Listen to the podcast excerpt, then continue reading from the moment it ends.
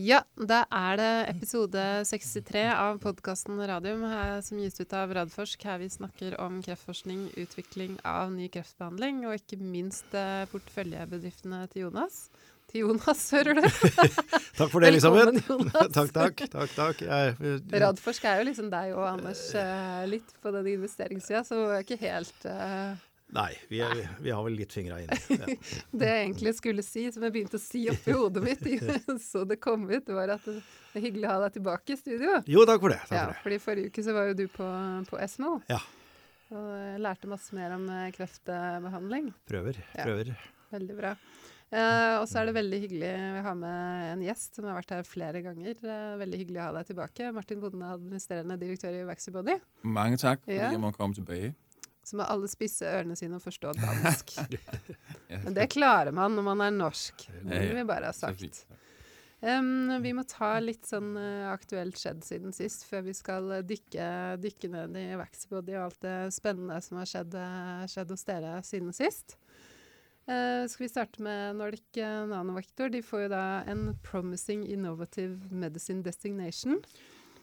Yes. Em, som er i Storbritannia, må vi si. For dette Ja. er liksom en spesiell regulatorisk eh, Dette, innretning. dette, dette er et UK-program, ja. ja, rett og slett. Eh, som, eh, som vi skjønner er første skritt på veien da, for å gi pasienter i Storbritannia med lymfekreft av folikulært lymfom, eh, som da ikke har respondert på noen annen behandling, tidlig tilgang til den behandlingen Ja. som Nordic holder på å utvikle. Ja. Har vi skjønt det riktig, da? Da har vi skjønt det riktig. Det er, eh, dette er en, eh, et program som eh, er en totrinnsrakett. det er denne PIM som du nevnte nå. Som man kan søke om eh, å få. Da er det visse kriterier som må oppfylles. Som du sier, det må ikke være en annen type behandling. Man må vise at man har data som er ganske sikre på toksisitet og bivirkninger. Eh, og aller helst også ha noen eh, tegn på klinisk effekt eh, i det tidligere. Og da er jo disse dataene som kommer nå til ja, kanskje vi får vite li litt grann i morgen, når abstrakte ja, når abstrakte blir lagt ut. ja, Det er ikke alltid det inneholder det juicy, så det vet vi ikke. Men det er spennende å se. Men i Mm. hvert fall så, så er det de dataene som det er generert der, som gjør at de har fått denne, Eh, denne PIM-statusen. Eh, og jeg kikka litt på det. Eh, den som ble starta i 2014, eh, og i løpet av de første tre årene, har jeg sittet på en artikkel som har oppsummert, så var det 30 forskjellige tildelinger av denne designasjonen. Og vi vet hvor mange medikamenter der ute som drives og testes ut i disse fasene. Så er det et trangt nåløye. Det henger høyt. Det så henger- det gis ikke til enhver behandling som er i klinisk utvikling? Nei, over, overhodet ikke. Det er som sagt 30 stykker. Men så eh, starter man da den videre behandlingen og prosessen av dette. Og akkurat hvordan den foregår, vet jeg ikke. Men da ender det opp med, i, i, med en beslutning, og antagelig kommer det etter når det har kommet mer kliniske data. Og da er det en beslutning om, eh, og da må jeg kikke i papirene mine, for det er Early Access to Medicines Schemes, EAMS, som er den, på den måten den endelige endelige målet for dette. Og de som får den, og får fyrt av rakettrinn nummer to, da får de en veldig raskt en midlertidig tillatelse til å bruke dette på pasienter, også utover den studien som går. Og studien vil selvfølgelig gå videre, som alle disse med prime og hva det enn er. Men, men bare så for å skjønne det, det er før markedsgodkjenning? Det er før I markedsgodkjenning. FDA og EMEA? Ja, det er mens man kjører den kliniske studien. Eh, om det da kommer fra Independent Monitoring Committee eller på annen måte de samler de kliniske dataene underveis, det vet jeg faktisk ikke. Nei. Men i hvert fall så har man da muligheter til å gi denne eh, endelige tillatelsen, som da er en tidlig markedsføringstillatelse. Eh, og av jeg kikka på de, av de 30, eh, så var det 11 som hadde kommet gjennom det nåløyet. Og jeg så så vidt noen oppdaterte data nå hvor det var 40 som hadde fått sånn PM, og da var det vel eh, 13 eller 14. eh, no, noe sånt. I hvert fall ca. en tredjedel mulighet ser det ut som ut ifra tallene for å få denne totrinnsraketten. Men uansett, det å få denne første, det henger høyt. Så det er, Mm. det er veldig positivt. Så bra, bra, for, eh, bra jobbet av Nordic Nanovektor. Og så Ja. blir jeg litt sånn misunnelig på vegne av, av uh, norske myndigheter og norske pasienter, at man burde hatt noe tilsvarende her i landet? Ja, dette, dette, dette, er, det, det, dette er, i UK. Uh, du har litt, som, litt sånn uh, annet med, i FDA og EMEA med, med Accelerated Approval og Prime og alle disse sånn, men her har UK selv tatt et initiativ. Mm. Uh, mens så, så, så for tidlig tilgang, uh, TT uh, I Norge har vi vel mer tidlig trenering. ok. Du tok, du tok, den nå? Ja, men jeg har ikke sagt noe om byråkrat eller noen ting. Mm -hmm. kjenner du til uh, denne ordningen, Martin? Nei, jeg kjenner ikke den uh, regulatoriske uh, hvad hedder, sådan spesifikke ting. Mm. Altså, det er jo sånn at landene har jo i langt hen ad vejen mange forskjellige ting selv. Og ja. Man prøver jo altid at styre litt efter, hva laver FDA, og hva laver IMA. Og så mm. kan det jo være, som Jonas sier, en spesial ting i i UK eller, mm. eller andre store lande, mm. som man mm. også kan forfølge. Jeg kjenner ikke den spesifikke. Nei, nei, jeg bare lurte. Jeg vet jo at du har vært involvert i mange selskaper og så sitter som ja. styreleder i Dodds Biotech i mange år. Så veldig nytt program, da. Det er et nytt program, ja. ja det, det, ble starta i 2014. Ja. Jeg tror det første ble utdelt i 2015. Ja. Uh, men det betyr jo også at uh, det ikke tar så lang tid. da. Mm. Hvis du sier at, det, at, tallene som oppsummeres i 2017, mm. sier at det er 30 som har fått PM-destinasjoner, og 11 av de har kommet igjennom. Så okay. da må de, de, ha kommet i løpet av de første tre årene. Mm. Kjapp saksbehandling. Ja, så det ser ut som det, den, den, prosessen går relativt kjapt. Mm. Eh, det neste jeg har skrevet opp, er jo at eh, PCI Biotech uh, presenterte poster på Esmo, som du, ja. du, var på, som gikk på doseeskaleringsstudien sin. vil du si noe veldig kort? Jeg kan si veldig kort. det, det, var ikke noen nye data som kom. Altså, det var de pasientene som ble presentert, var i kohort 3 og 4. Jeg har jo tidligere sagt at de kohort 1 og 2 hos den var nærmest, nærmest placebo. Mm. Eh, det var jo veldig, veldig, veldig små doser, så jeg har sett på de tre og fire, og det er det den, den presenterer, den eh, posteren. Mm. Med, med, de som har complete respons og, og, og overall respons og stable disease på disse pasientene.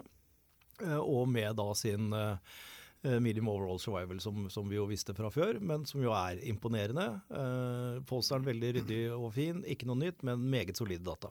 Ja, så det er bare det, det går, ting, ting, går som det skal der. Ja. Uh, jeg, når du var borte, så hadde jeg jo Giske Uskin, uh, direktør i Kreftregisteret her i studio, som snakka om hva de gjør. Og de hadde jo da sin uh, fremleggelse av status for kreft i Norge 2017 på mandagen. Mm. jeg fikk ikke lurt ut så veldig mye sånn av henne på forhånd. Selvfølgelig ikke. Hun måtte jo spare det til ja. sin store store happening. Um, men jeg var og kikka på, på, den prestasjonen, og den vil jeg egentlig anbefale for alle å kikke på. Den statuspresentasjonen var uh, usedvanlig bra og ryddig. Så jeg skal legge den ut uh, etterpå på Facebook når vi legger ut den uh, saken her. Men, men, bare sånn veldig kort, da, så er det da nye krefttilfeller i Norge 2017 var 33 500 ca. Uh, prostatakreft og tykk- og endetarmskreft er de krefttypene som det er uh, som flest får. Uh, men, men, det jeg kanskje lot meg merke mest i, er at den, de siste ti årene så har det vært en enorm forbedring i antallet som overlever kreft. Ja. Så nå er vi på fem års overlevelse oppe på 73 ja, hvis du går, hva, hva, hva, tenker dere? Jeg tenker at Hvis du går 40 år tilbake i tid, så ville det tallet ligge på noen og 30. Ja. For da sa vi vel én av fire. Uh, og nå begynner det å nærme oss uh, tre av fire som lever uh, etter fem år. det viser jo at vi kommer noen vei med mm. den behandlingen vi gjør. Og husk på at det er svært lite av disse tallene som gjenspeiler den nye immunterapien. Fordi den første pasienten som ble beregnet med der, er jo fra 2011 eller 2012. Så, så, de har jo knapt levd fem år. Mm. Så, det, så det, Jeg vil jo tro at disse tallene kan øke enda mer. Mm. Eh, når immunterapien slår inn. Det er jo fantastisk positivt for eh, pasientene og oss som har jobbet med dette veldig lenge, mm. å se at det slår ut på statistikken. Eh, det vi gjør, disse tallene her er altså da Det er target therapy som har kommet inn. Det er bedre operasjonsteknikker. Det er bedre stråling og, og, og kvalitet på det. Så det er kjempepositivt. Og så må vi samtidig ta inn over oss, hvis vi skal tenke litt sånn samfunnsmessig, at det betyr at det er veldig mange flere pasienter som lever med en kreftdiagnose. eh, som krever oppfølging, Mm. eh, og det koster eh, penger. Og så får vi håpe etter hvert at disse langtidsoverleverne ikke trenger oppfølging, at det faktisk immunterapien gjør at vi klarer å kurere flere tilfeller. Mm. Eh, Men det er spennende å følge, og det, jeg kikka litt på det også. og det er jo litt eh, spennende å se til neste år om det er riktig at det nå endelig eh, lungekreftøkningen hos kvinner har eh, stoppet opp. Som den gjorde for menn. Og teorien er jo at, eh, at kvinner slutter senere å røyke, røyke. enn eh, Mm. enn menn. Så du har den liksom hengende, hengende Ja. etter. Så det er spennende å se til neste år om det faktisk er dippen kommer nå. Det hadde jo vært fantastisk fint.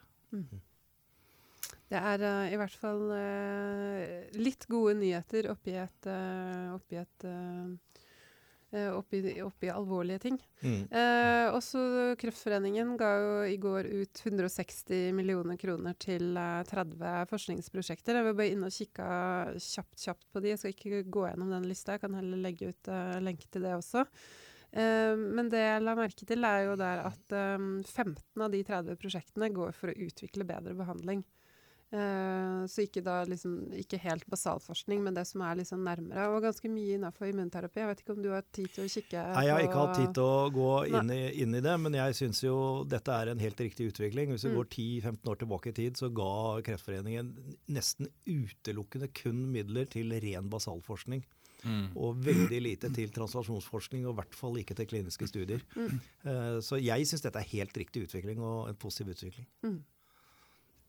Veldig bra. Siste, siste punkt er Oncoinvent, som har gitt ut sin tredje kvartalsrapport.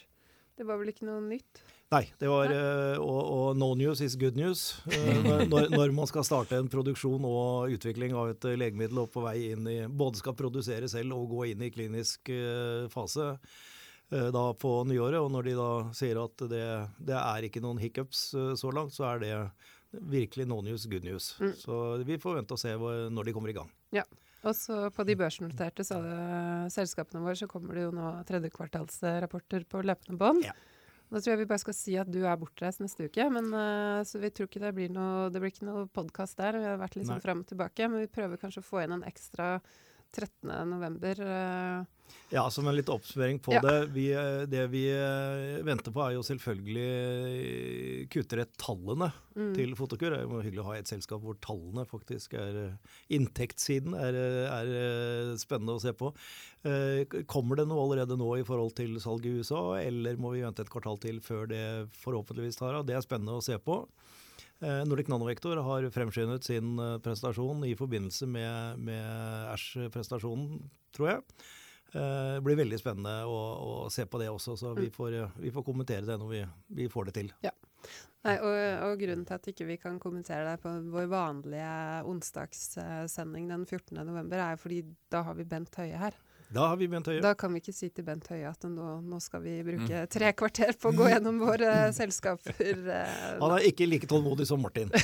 Martin har vært veldig tålmodig. Nej, altså tålmodig. Skal man være i biotek også? Ja, men eh, ja, det er sagt. Det, det, det er dagens understatement.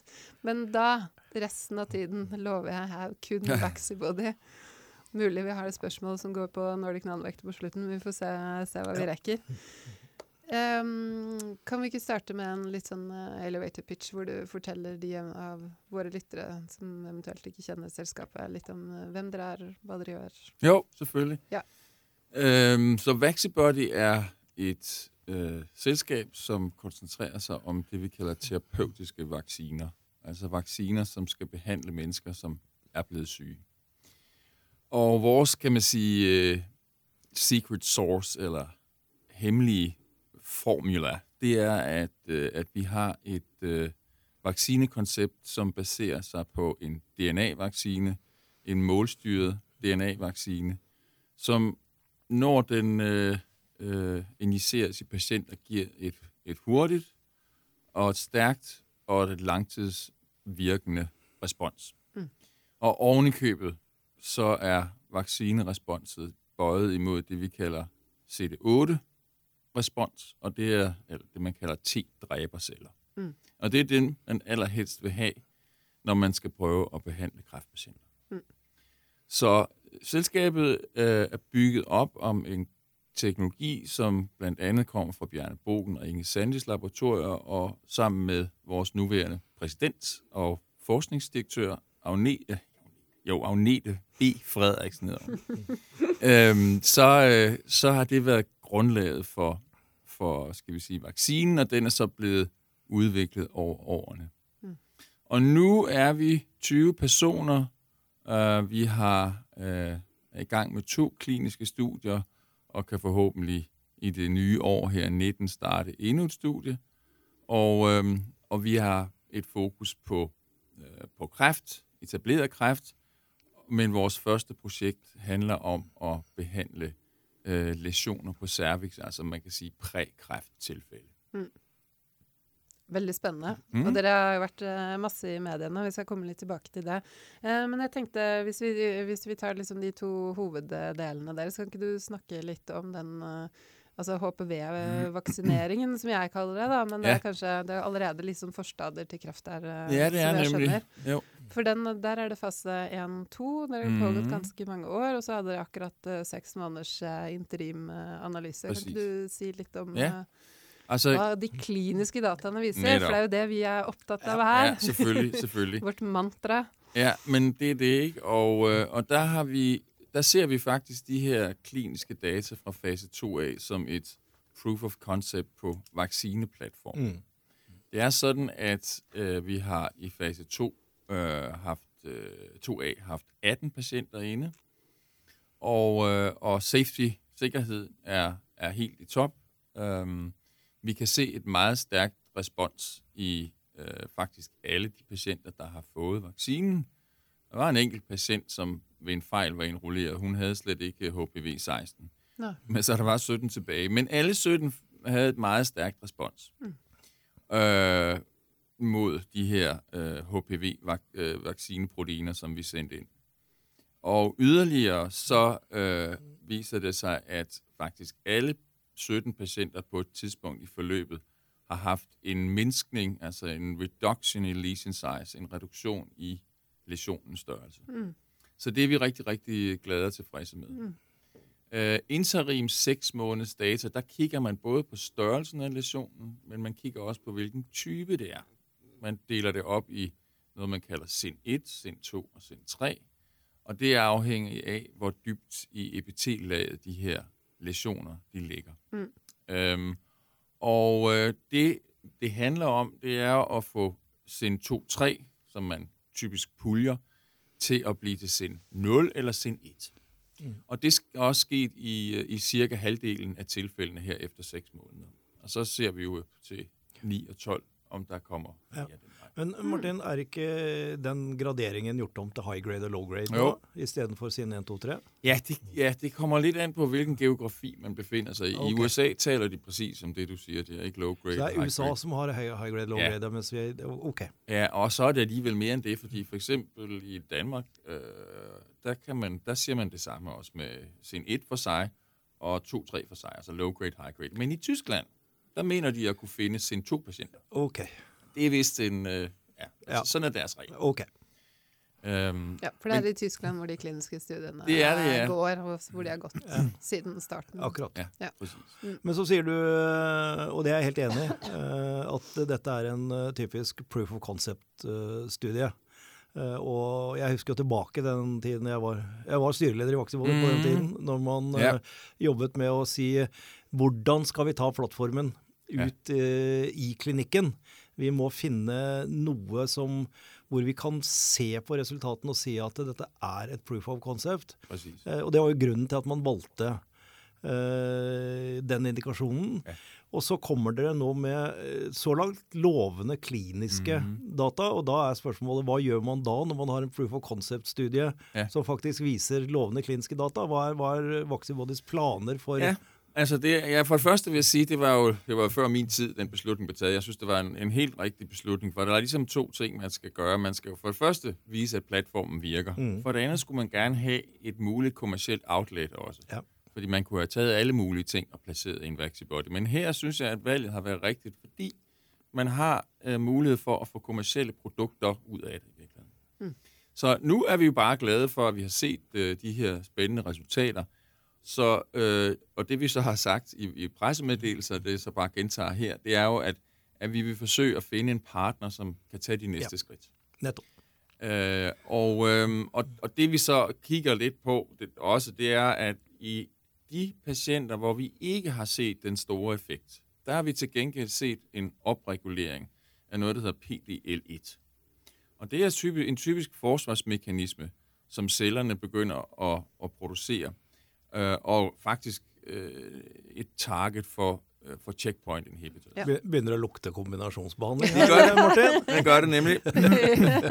så det kigger vi lidt på nu, og ser, hvordan det ja. eventuelt kan, Men, men uh, også da, altså at det at du får en oppregulering av PD-LN, er et tegn på at uh, vaksinen har gjort noe. Det tror jeg ikke det er tvil om. Det er du helt rett Ikke sant? Sånn at det, det, det, og det vi kan se som er spennende nå, er jo at vi ser, hvis vi har PD-LN-uttrykket også Eh, på baseline. Mm. Og så i ettertid, og så har vi gjort en eller annen form for behandling, om det er onkolytisk virus eller peptidvaksine eller mm. vaksinmodell eller hva det er. Og så ser vi hvilke pasienter er det som kraftig oppregulerer PD-L1? Mm. Er, er, er, det de som responderer dårligst? Og de som oppregulerer den mindre, er de som responderer bedre? Da kan vi begynne å ikke bare si at dette har en klinisk effekt, men vi kan begynne å forklare hvorfor på de enkelte pasient. Og det syns jeg er fantastisk spennende. Ja, og, og den observasjon det er jo også en som, som vi prøver å bruke. Det vi så uh, har gjort, det er jo at vi kan ikke se i pasienterne innen. For det er ikke noen der har en, en høj eller opregulering eller noen PDL1 fra start Nej. på baseline i Nej. det her. Men det er jo også relativt raske mennesker. Det er jo ikke etableret cancer Nej. som sådan, vel?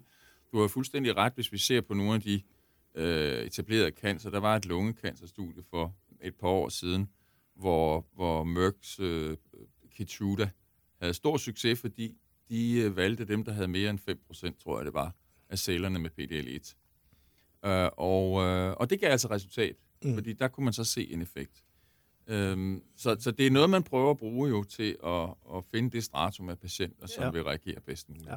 Spændende. Ja. ja. det er veldig spennende, for det er jo det som har vært utfordringen. Å vite hvem det fungerer på og ikke fungerer på. ikke sant? Jo. Hvis man da kommer nærmere den delen der. Ja.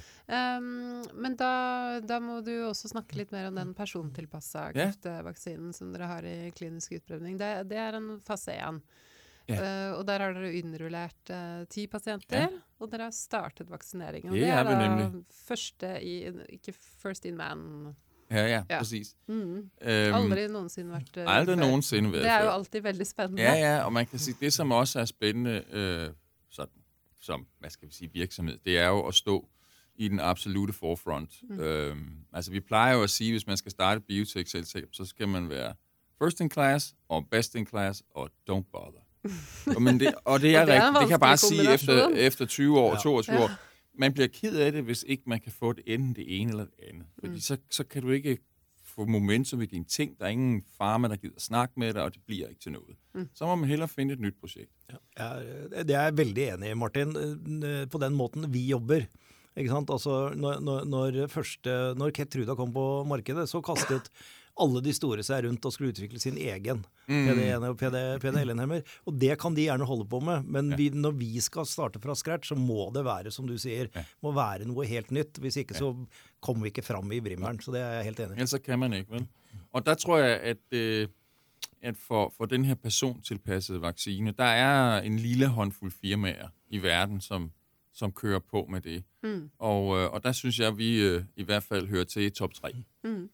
Øhm, og det er spændende, fordi øh, det er et helt nyt felt. Det er et felt, der har åbnet sig i forlængelse af, at øh, man lærte, hvorfor de her checkpoint inhibitors virker. Og vi ved jo, de virker, fordi de lader kroppens eksisterende egne T-celler reagere mod neoantigener på tumor. Mm.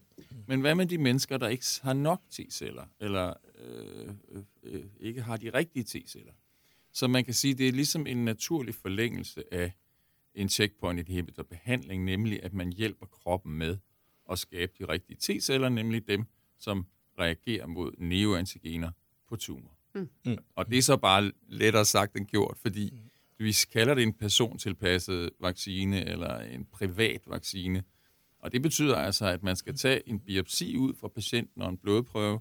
Man skal finde alle generne i, i, øh, i patienten, og så skal man sammenligne det raske, altså blodprøven, mm. med det fra tumor, mm. og så finder man... Og når du siger rask, så er det frisk, ikke sant? Bare sådan, ja. ja. Ja, ja, ja, frisk, ja. Ja, ja, ja frisk. Jo, men det...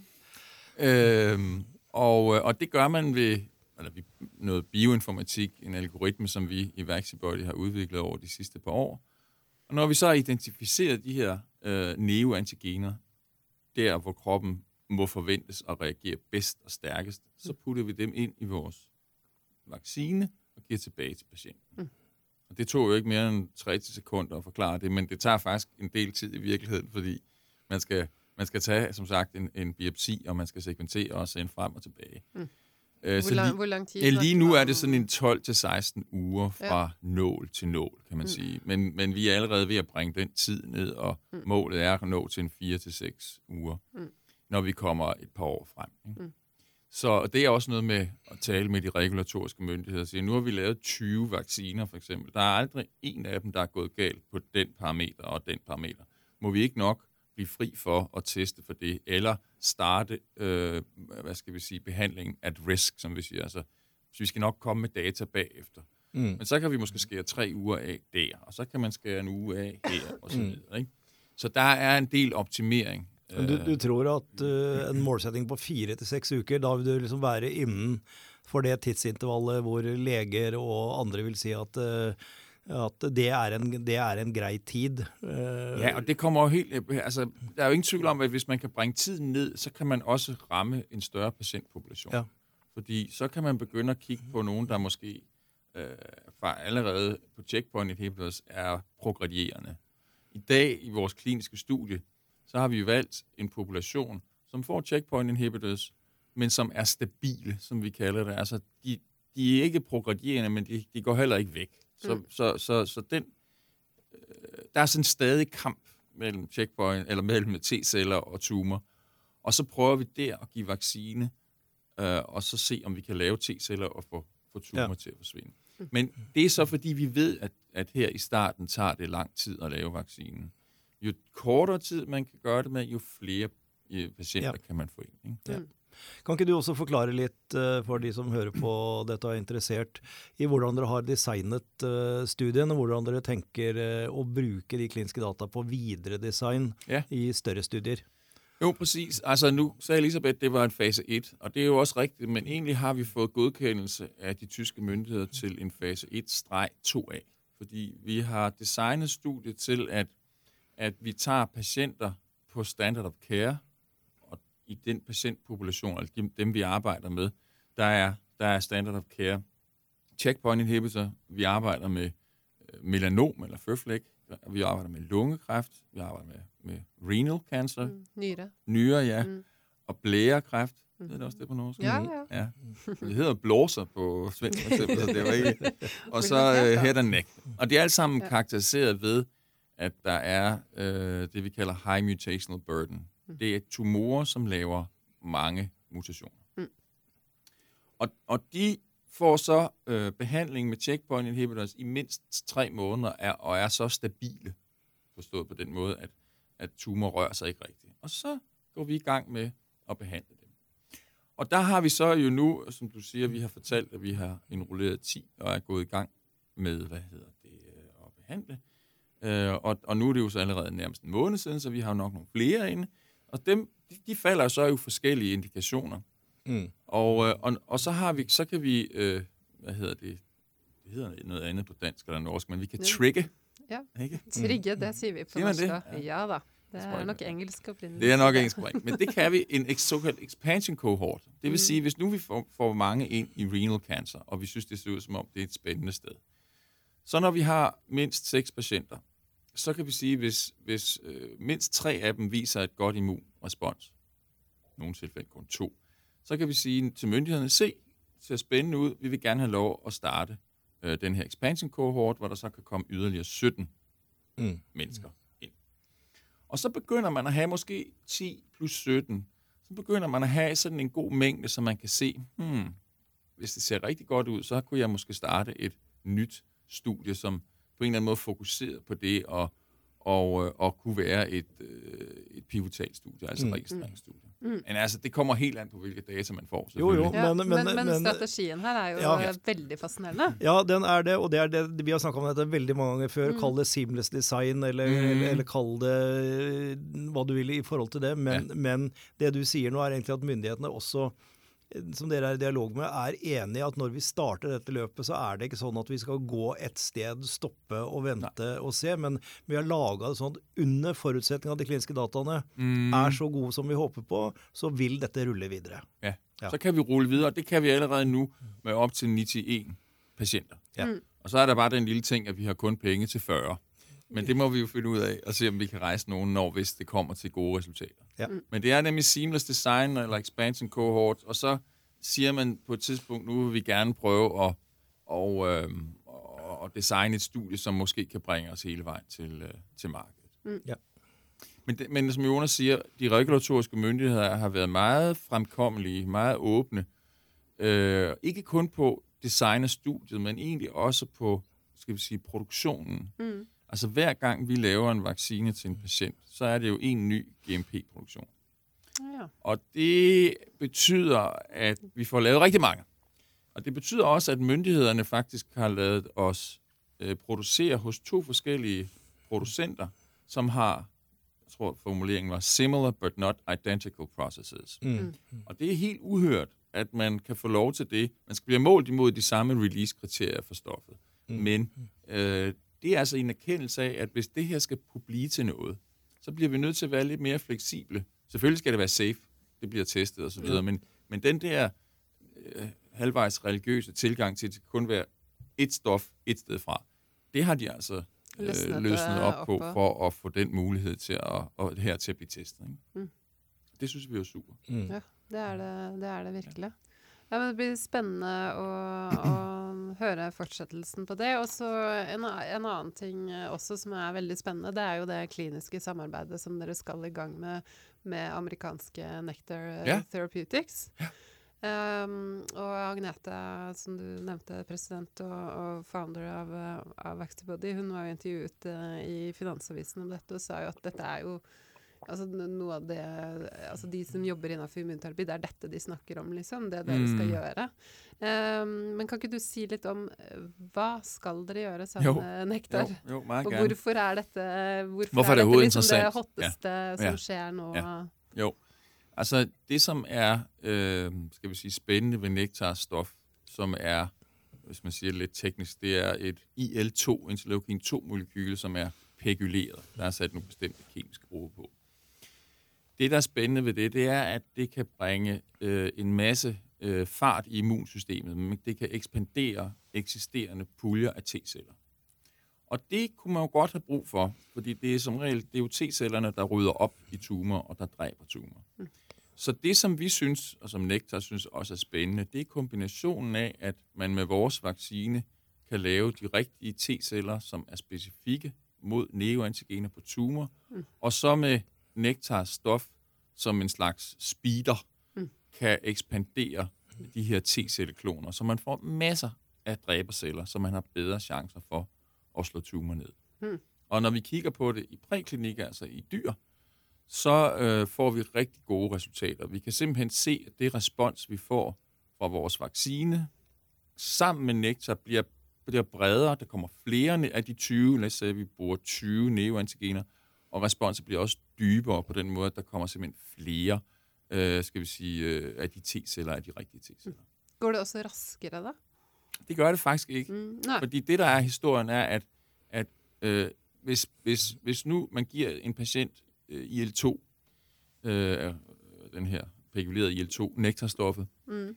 ja, så vil de eksisterende T-cellekloner, de vil ekspanderes. Så hvis nu, at, at patienten har og det er det, som de har vist sammen med BMS, hvor de jo lavede mm. en stor aftale mm. her i foråret, eller i februar. Ja. Øh, hvis patienten har de rigtige T-celler, så bliver de ekspanderet, og så er der en god chance for, at de virker mod tumor. Mm. Men hvis ikke de har de rigtige T-celler, så virker det ikke. Og, og det er der, hvor man kan sige, at den kombination, øh, som vi kan gøre sammen med Nektar stof, det er jo at lave de rigtige T-celler, og så ekspandere. Mm. Så der bliver en tidsforskydning, Forstået på den måde, at i hvert fald præklinisk kan vi se, at hvis vi giver øh, dyrene vaccinen først, så de rigtige T-cellekloner kommer op, og så får trykket på speederen ved at give noget mm. nektarstof, så ser det rigtig godt ud. Hmm. Ja, det er kjempespennende. Altså, dette faller jo helt inn i, i hvordan man tenker uh, i, i, immunterapi i dag. Altså, det, er, uh, det er etablert at checkpoint-inhibitorer fungerer. Men de fungerer bare der hvor det til en viss grad er et fungerende mm. immunsystem med T-celler til stede. Og da kan du gi mer checkpoint-inhibitorer i kombinasjoner noen flere kan det virke på. De har prøvd å kombinere det med eh, IDO. Det har ikke fungert så veldig bra. Nei. Fordi hvis det ikke er et aktivt system, og det samme med, med IL2, eller hva du enn velger å gå inn, det er mm. masse å velge mellom ja, nå, i, i, dette, så vil du allikevel ha denne pasientpopulasjonen som befinner seg over streken. Mm. Det er altså de som ikke responderer fordi det ikke er et aktivt immunsystem. Og da er tanken bak neantigenvaksiner som Vaxibody har, onkolytisk virus, peptidvaksiner Alle disse jobber da med å få bringe fram disse T-cellene. Så teoretisk sett så, så, bør dette kunne fungere. Riktig. Jo, jo, men du vet, i Danmark sier man at i teorien kan man også fange ål med en lasso. Ja. Og hvad hedder det? Øh, det kan man sikkert også. Ja. Men vi bliver, altså, man skal jo have en stærk underliggende hypotese for ja. at kaste sig ud i klinisk studie. Og derfor synes vi også, og det synes vi bestemt også, vi har, Jonas. Og der kan man sige, at biologien er bare meget kompleks. Og det er en ja. anden grund til, at vi gerne vil lave den her øh, afprøvning sammen med Nektar. Fordi når man så først kommer ind i homo sapiens, øh, så kan der være alle mulige forhold, som vi ikke har kunnet se præklinisk. Ja. Så det gør, det gør flere forskellige ting jeg tror personligt, tror jeg, at det kommer til at udvide den patientpopulation, som vi kan øh, give behandling med neoantigen-vaccine, fordi vi kan måske også få de patienter med, som er rigtig svage, og som har svært ved at få et, et, et godt immunsystem frem. Mm. Men de behøver måske bare danne ganske få af de rigtige T-celler først ved en vaccibody-vaccine, og så få dem fordoblet op mange gange, når de får nektarstoffet. Ja. Mm. Øh, så så, så det, det er nok tror vi, hovedscenariet. Men igen, for os er det også et ekstra skud på mål. Der kan godt være en eller anden ting, som vi ikke har set endnu, mm. som gør, at der på en eller anden måde skal noget mere speeder på. Mm. Vi, ved, mm. vi ved det bare ikke. Nej. Og derfor skal dere teste det ut i ja, klinikk. Derfor tester eh, når starter de kliniske studiene? Kan du Men si noe om det? Ja, det, det er det, der hedder et godt spørgsmål. Altså, mm. vi prøver at se, om vi kan øh, få udvidet den eksisterende godkendelse mm. få lavet et uh, amendment, substantial amendment bliver det mm. så at sige. Et tillæg. Ja, et tillæg. Ja. Hvor vi siger, se her, nu kan vi i den her arm, inden for head and neck cancer patienter, kan vi få lov til at, at addere det her stof fra nektar, og se, der er jo den her pakke af prækliniske data, mm. som viser i dyrene, at vi får et bredere og dybere respons, at vi får bedre bekæmpelse af tumorer og øh, et stærkere immunsystem i det hele taget. Mm. Og så må vi se, hvad myndighederne siger. De kan jo komme tilbage og sige, at det er vel nok spændende, men du må lave en ny ansøgning, fordi vi kan ikke se, at det kun er et tillæg. Det, er, det har sin egen ansøgning. Ja. Og så er det jo en anden øh, tidsfrist, fordi det tager 90 dage, fra man starter med sådan en, en CTA, hvorimod at det kun er 3-5 dage, så vidt jeg husker, hvis man kan få det som et tillæg. Mm. Mm. Men, men nu laver vi den prækliniske pakke færdig, og så ser vi, hvor langt, øh, hvor langt vi kommer mm. med det. Men da er det faktisk mulig at dette her skal da skje i Europa, hvor dere gjør en klinisk studie allerede, ja, det, og ikke nødvendigvis vores, i USA? Nej, det er vores, vores tanke er, udgangspunktet er, at vi vil se, om vi kan få det ind i det studie, vi kan køre i øjeblikket. Mm. Ja. Veldig, veldig spændende. Ja, må vi se, om det bliver.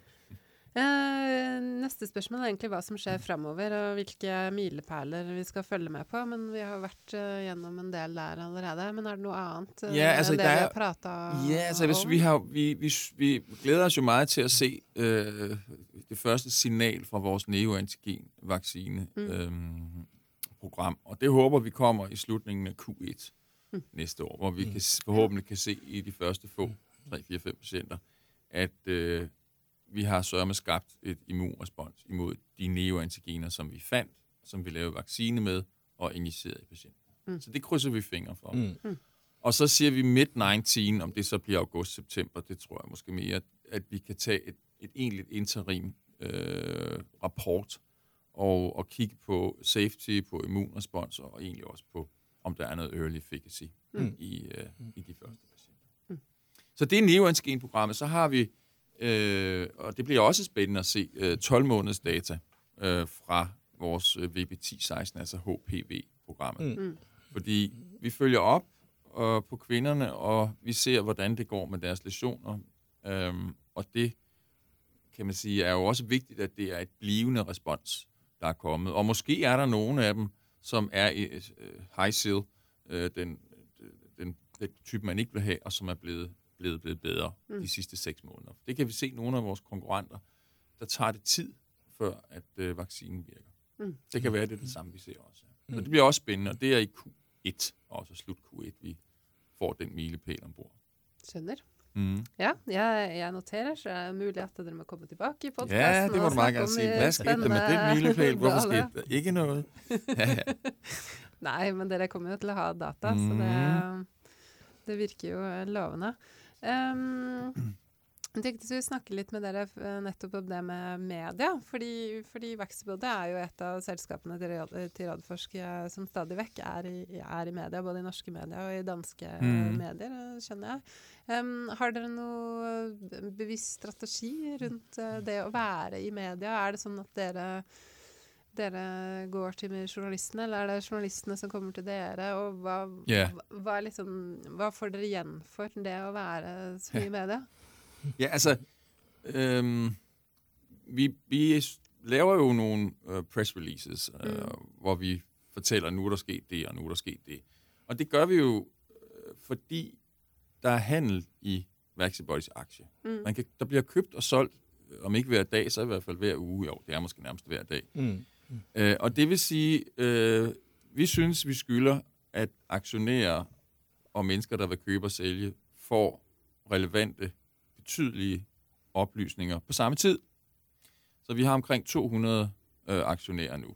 Mm. Så når vi så har lavet sådan en release, for eksempel øh, 20. september, nu har vi lavet en aftale med Nektar, så sender vi jo den rundt til, øh, til dig for eksempel, mm. og vi sender den til MedWatch i Danmark. Vi har, vi har en lang liste og sådan noget. Og så er der nogle gange, og det sker heldigvis tit, nogen, der kommer tilbage og siger, nej, hvor er det spændende, må vi øh, godt lave et interview. Mm. Og så siger vi selvfølgelig, rigtig gerne fortælle om, øh, hvordan det går, og så videre. Mm.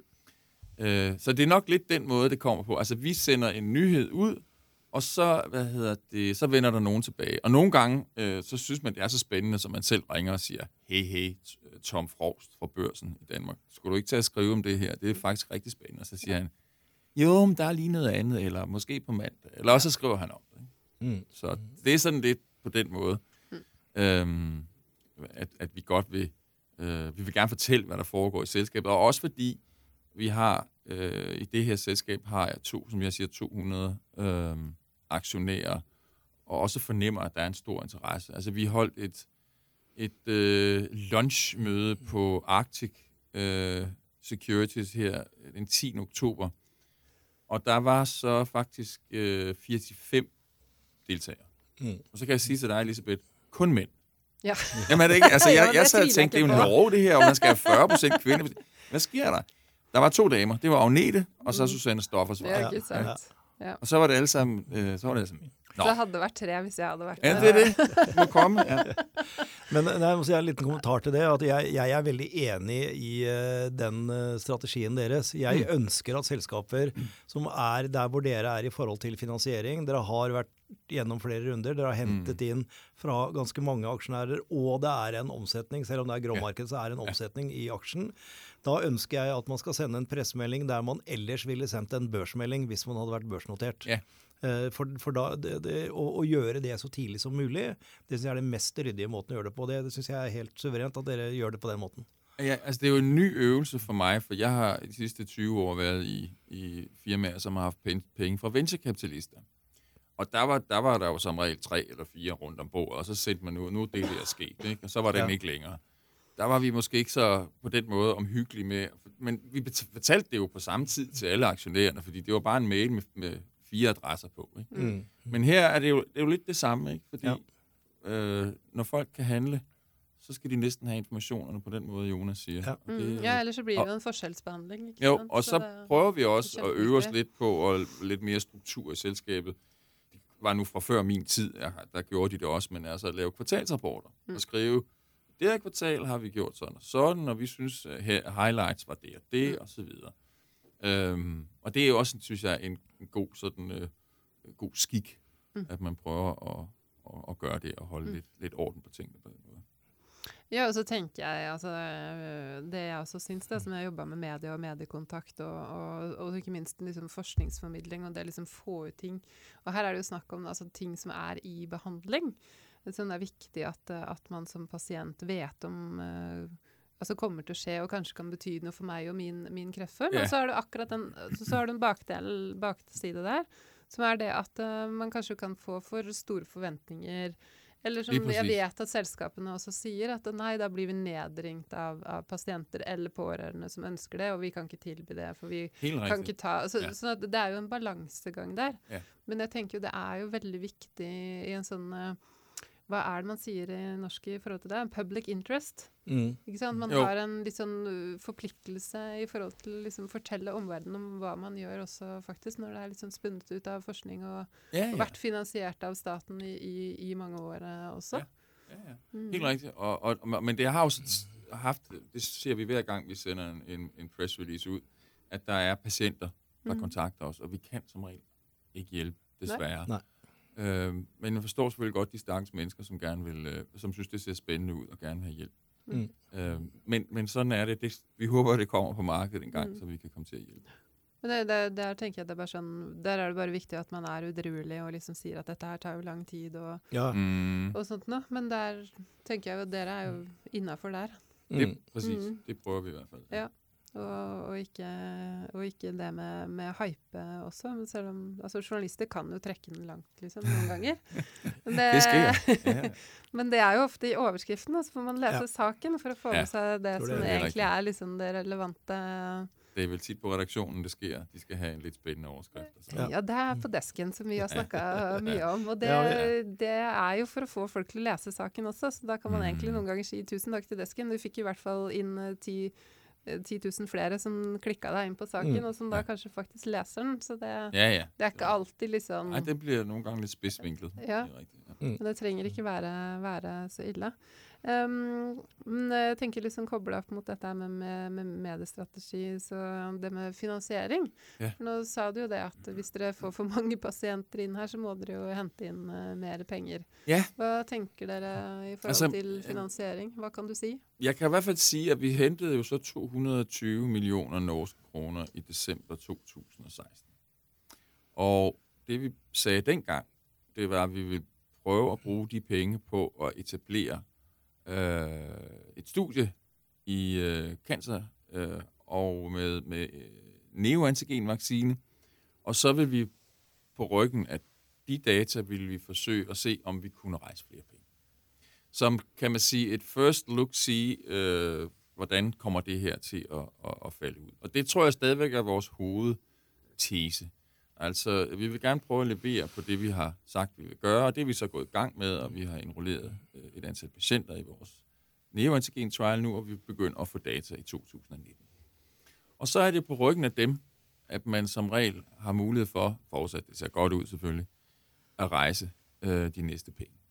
Så, øh, så, så vi tænker egentlig øh, at forfølge, det er ikke nogen øh, raketvidenskabsteori, øh, men, men du ved, man rejser penge til at nå nogle meningsfyldte milepæle, og så kigger man på, hvad kan selskabet på det tidspunkt? Skal man lave en licensaftale, eller skal man prøve at rejse penge selv, eller, eller hvad kan man gøre? Mm. Mm. Så det er lidt det, øh, vi er i nu. Mm. Så, ja. Tænker. Tænkeboksen. Ja på det. Ja, det kan du sige. Altså, eller, eller måske også lidt sådan opportunistisk at sige, jamen, nu ser vi, hvad, vi hvad der er muligheder, øh, når vi kommer frem til første kvartal her. Øhm, og, og vi ser også, hvad der er muligheder i markedet, fordi ja. det kommer jo helt an på, hvilket sentiment der er i markedet. Man kan jo stå med de bedste data og så videre, men hvis, hvis det er finanskrise eller et eller andet andet, så, så kan det være tungt. Ja. Så, øh, så vi, øh, vi prøver at gå ud af den vej. Mm-hmm. Men, men, da tror jeg kanskje vi skal ta det spørsmålet som egentlig er kommet sånn, uh, til, ja. om Nordic, men som vi egentlig kan ta mer som et generelt case, for det, det handler egentlig litt, uh, litt om det. Um, Uh, for det er spørsmålet fra, fra lytteren er, uh, som vi alle vet, er en utfordring for selskapene å skaffe nok penger til å realisere pipeline, og kanskje særlig et beer market, altså når investorene mm. er negative og kursen synker. Uh, og så står det da at Nordic Nanvector har ved de siste to kvartalspresentasjonene hevdet at de skal kjøre med penger de har til avlysning av data fra Paradigm. Og da kommer da spørsmålene. Hvilke alternativer har da Nordic utenom emisjon for å skaffe penger? Og så går det da på om man kan gjøre en låneavtale eller en partneravtale. Eh, og så neste spørsmål går på er det vanlig at biotekselskapet går ut på måten og sier at man ikke skal hente penger, sånn som de har da sagt noen ganger, at ikke de trenger å hente inn flere penger. Og det siste spørsmålet er er det sikkert at penger bare kommer uh, inn hvis man har gode nok resultater som du akkurat Martin, eh, Martin svarte vel kjapt på det at nei, det, det, er det absolutt ikke. Det er aldri sikkert at det kommer penger i biotekverdenen. Jeg syns Martin egentlig oppsummerte det veldig fint med å fortelle hvordan Maxibody har gjort dette her. Uh, og det er slik alle selskapene gjør. De bestemmer seg for et program de skal kjøre, mm. og så ser de Eh, hvor, eh, hvor, lang tid tar det, og hvor mye koster det å komme fram til en viss milepæl? Som kan være en interimavlesning, en, en, en proof of concept-studie, en pivotal-studie, hva det måtte være. Og så går de ut i markedet og sier at nå skal vi gjøre følgende. Eh, og vi skal hente inn 200 millioner kroner eller 500 millioner kroner for å kjøre denne studien frem til avlesning av denne studien. Mm. Og så vil det, hvis det da er en markedsføringsstudie, altså en pivotalstudie, så vil det jo da være til du har fått markedsføringstillatelse eller sendt inn søknad om det. Eller eh, som, eh, som eh, Martin og Vaksibody har sagt, vi skal kjøre 40 pasienter, og vi skal ha resultater av de, og det er det vi henter penger til nå. Og Det betyr ikke at Martin sier at han ikke skal hente mer penger nå. For hvis incitamentet i markedet er helt bullish plutselig om en uke, og han mm. vet han skal kjøre videre senere, så kan det godt være at han går ut og sier at vi har lite kliniske data nå, men, men vi har noe, og vi ønsker å hente penger nå. Og når, når eh, Nordic Nanovektor sier at de eh, har hentet inn penger for å levere resultatet fra paradigmestudiet til investorene. Det er mm. det de har sagt. Mm. Og når de så at, de, at, ting tok litt lengre tid, så holdt de den ene nye studien sin med humalutin, la de den på, på, is. på is inntil videre for å ha nok penger til mm. å levere det de hadde lovet investorene. Mm. Det betyr ikke at ikke de går ut i morgen og sier at vi skal ha, hente 100 millioner, for vi skal starte humalutinstudien allikevel. Mm. Det, det, det, kan, og, det, og det, er ikke noe galt å gjøre det. Eller de kan si eh, om eh, ja, et halvt år eh, et eller annet, så kommer det noe fra Data Monitoring Committee som er eh, positivt. Eh, du forandrer rekrutteringen fra én til én til to til én, altså alle sånne ting. Og sier at da er muligheten der til å hente penger. Så det selskapene sier er, og det investorene spør om hver gang, det er OK, Martin, du skal ha 300 nye millioner. What is the use of proceeds? Hva skal du bruke pengene til? Hvilke milepæler eller datapunkter får jeg for de pengene? Mm. Så Nordic Nanovektor sier ikke at de ikke skal hente penger. Nei, de sier de, at de har penger til å kjøre paradigmestudien. Så de betrygger uh, investorene som har gått inn, på å gjenta det at de sier at vi gikk inn på disse, disse ja. termene, og de gjelder fortsatt, og de skal fortsatt gjelde. Ja. ja. Så det er en betryggelse. Ja. Men som du sier, betyr ikke at ikke de skal ikke, uh, hente inn flere. Eh, eh, altså, Hvis du har en CEO som Martin Bonde i et lite uh, selskap som utvikler kreftlegemidler, som ikke sier at han til stadighet titter på alle muligheter til å finansiere seg videre, da, da har, du feil, da har du feil mann. For det gjør alle, og de er pragmatiske. Og så kan du si, kunne de hatt en partneravtale? Jeg vet ikke, men jeg vil jo tro at de er i, for, om ikke forhandlinger, så i hvert fall i samtaler med Big Pharma. Det er alle mm. selskapene våre. Og hvis Big Pharma plutselig kommer og sier at nei, vet du hva, nå vil vi kjøre en studie hvor vi betaler absolutt alt, og dere får litt upfront i tillegg, så vil man selvfølgelig vurdere det. Mm. Eh, og så får man se da hvor mye penger man har på bok, og hvor gode de kliniske dataene er. Om det er riktig å inngå denne avtalen mm. nå, eller om det er en avtale hvor Bygg Pharma sier at dere, dere, får nesten ingenting og kanskje noe royalty. Nja, da er kanskje det en dårlig deal for mm. aksjonærene. Så dette er helt Altså, det, dette, er, det dette, er mer, ja, dette, er dynamisk, dette er og, og, selskapene er opportunistiske og pragmatiske i forhold til, til, dette. Det viktige båndlinja er nettopp det Martin sa. Vi sier hva vi skal bruke pengene til. Akkurat på samme måte som PCI Biotech gjorde når de hentet sine 360 millioner kroner nå. Mm. Det skal vi gjøre for å fullføre pivotalstudien mm. for Fimakim. Ja. Så, så det, er, det, det, er, liksom ikke noe vits å spekulere noe mer. Eh, fordi det er spørsmålet om selskapene holder på med noe annet. Ja, det gjør de hele tida. Mm. og, og, det skal vi jo være glad for. Ja, ja. Det er sånn det skal gjøres. Ja. Mm. Har du noe tillegg? Nei, jeg kan, jeg kan kun si at jeg er fuldstændig enig. Du trenger ikke altså, kommentere liksom Nordic bliver, Nanovector, men altså, mere sådan jeg, jeg, er helt, jeg er helt enig i Jonas udlægning af mm. teksten. Altså, det bliver man simpelthen nødt til, fordi man bliver også nødt til at have en plan i skuffen, hvis pludselig at det marked øh, ser rigtig spændende ud, mm. så kan man ikke stå og sige, gud, jamen det, vi skal først bruge til sommer, så er det mere at tage dem nu.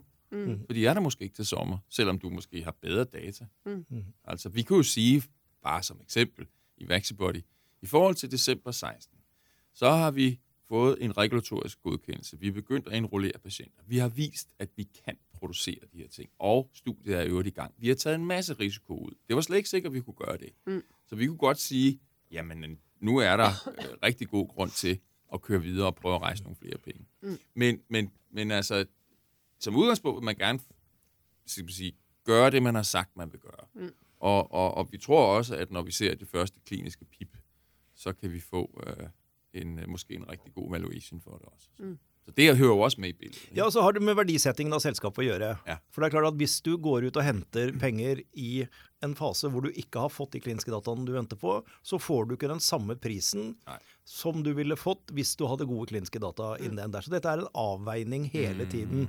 Men, men bottom line, biotekselskaper de tar inn penger når de kan, altså. Mm. det er riktig. Det, kan, det kan jeg si, og det gjelder ikke kun i generalistmarkedet, det gjelder også i venturemarkedet. Det gjelder ja. om å ta penge når man kan, ikke når man nødvendigvis skal. Mm. Så bra. Uh, jeg har siste spørsmål som ikke Det står ikke på arket, arket ditt engang, men det var bare fordi vi prata litt i studio uh, fordi Jonas måtte ut og fikse noe. Og det var det du sa, at du, du sitter nå i styret i No Foundation, hvis jeg skjønte deg riktig. Og dere skal sette opp en sånn nytt, uh, nytt initiativ altså i Danmark. Yeah, kan du bare si litt? Grann, jo, jo, jo. Nå har vi deg altså, her i studio, så da må vi høre om dette. Ja, men altså, jeg har, ja, jeg har vært i, i styret for en organisasjon som heter Dansk Biotek fra 2006, og de siste seks år som formand. Og jeg har jo kvæg, kan man sige, min erfaring øh, i biotek og, og min videnskabelige baggrund også. Jeg altid synes, det var sjovt at, at, at finde noget spændende forskning og se, om man kunne give det en kommersiel retning. Mm. Så det er sådan set i, i de 12 år, jeg har været i bestyrelsen i Dansk Biotek forsøgt at arbejde for. Nu er jeg så blevet inviteret med og har sagt ja til at gå i, i styret for et nyt initiativ, som Novo Nordisk Fonden har startet, som hedder Bio Innovation Institute. Og der er det præcis øh, det fokus, nemlig at man skal sænke barriere på alle planer i forhold til, at akademisk forskning kan komme ind i, øh, hvad hedder det, i en kommersiel bane. Mm. Og på alle planer kunne for eksempel være, at man skal hjælpe med at skrive et patent. Man skal fortælle, hvordan man laver en licensaftale. Øh, man kan træne på, øh, hvordan det regulatorisk ser ud. Man kan træne i at skrive en businessplan osv.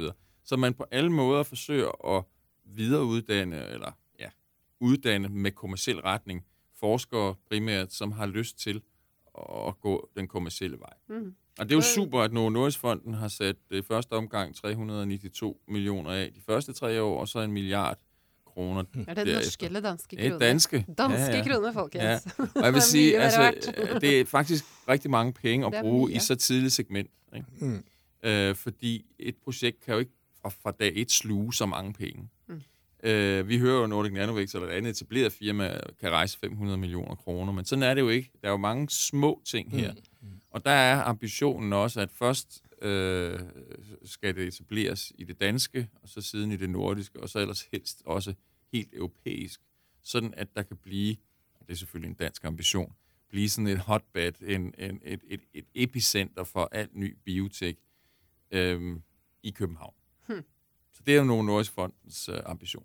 Det er, At det er så stilig. Ja. Jeg blir så misunnelig igjen. det er, ja, men det, altså det, det er eh, Oslo Cancer Cluster med penger. Ja, ja. Det er ikke Jo, men- bare innenfor kreft, kanskje. da. Dette er vel generelt det er, innenfor det er inden for life science, ja. Ja. Mm. Fordi øh, Novo Nordisk Fonden donerer i øjeblikket 1,2 milliarder kroner danske om året. Men i 2023 skal de op på 5 milliarder danske. Wow. Så de breder det ud, forstået Mm. på den måde, at det bliver jo medtech også. Mm. Øh, det bliver biosustainability-ting, øh, grøn, grøn, et eller andet. Øh, men noget med life science, for det er ligesom der, hvor de kommer fra, Mm. øh, kan man sige.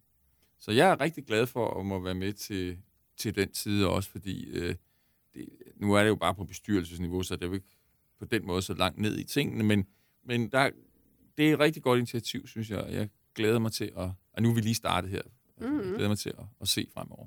Ja, nei, det høres eh, fantastisk ut. Så gjerne hatt noe lignende i Norge. Ja, vi skulle gjerne hatt noen steroider, vi òg. I kunne, øh, I kunne tage nogle af oliepengene, Ja, ja. Det kunne vi. fyre dem ind der. Vi, Ja. vi tar den med Bent Høie Vi tar den der. Ja, vi får gjøre det. Men eh, kjempeflott å ha deg tilbake, Martin. Lisbeth. og hils eh, kollegaene i Vaxibody. Og så er det bare å, å jobbe på. Eh, Ja, ja, tak skal du have, og tak fordi jeg være med igen. Jeg vil altid gerne komme. Ja. Det Veldig hyggelig å ha deg her. Takk. Ha det bra. Tak i lige måde.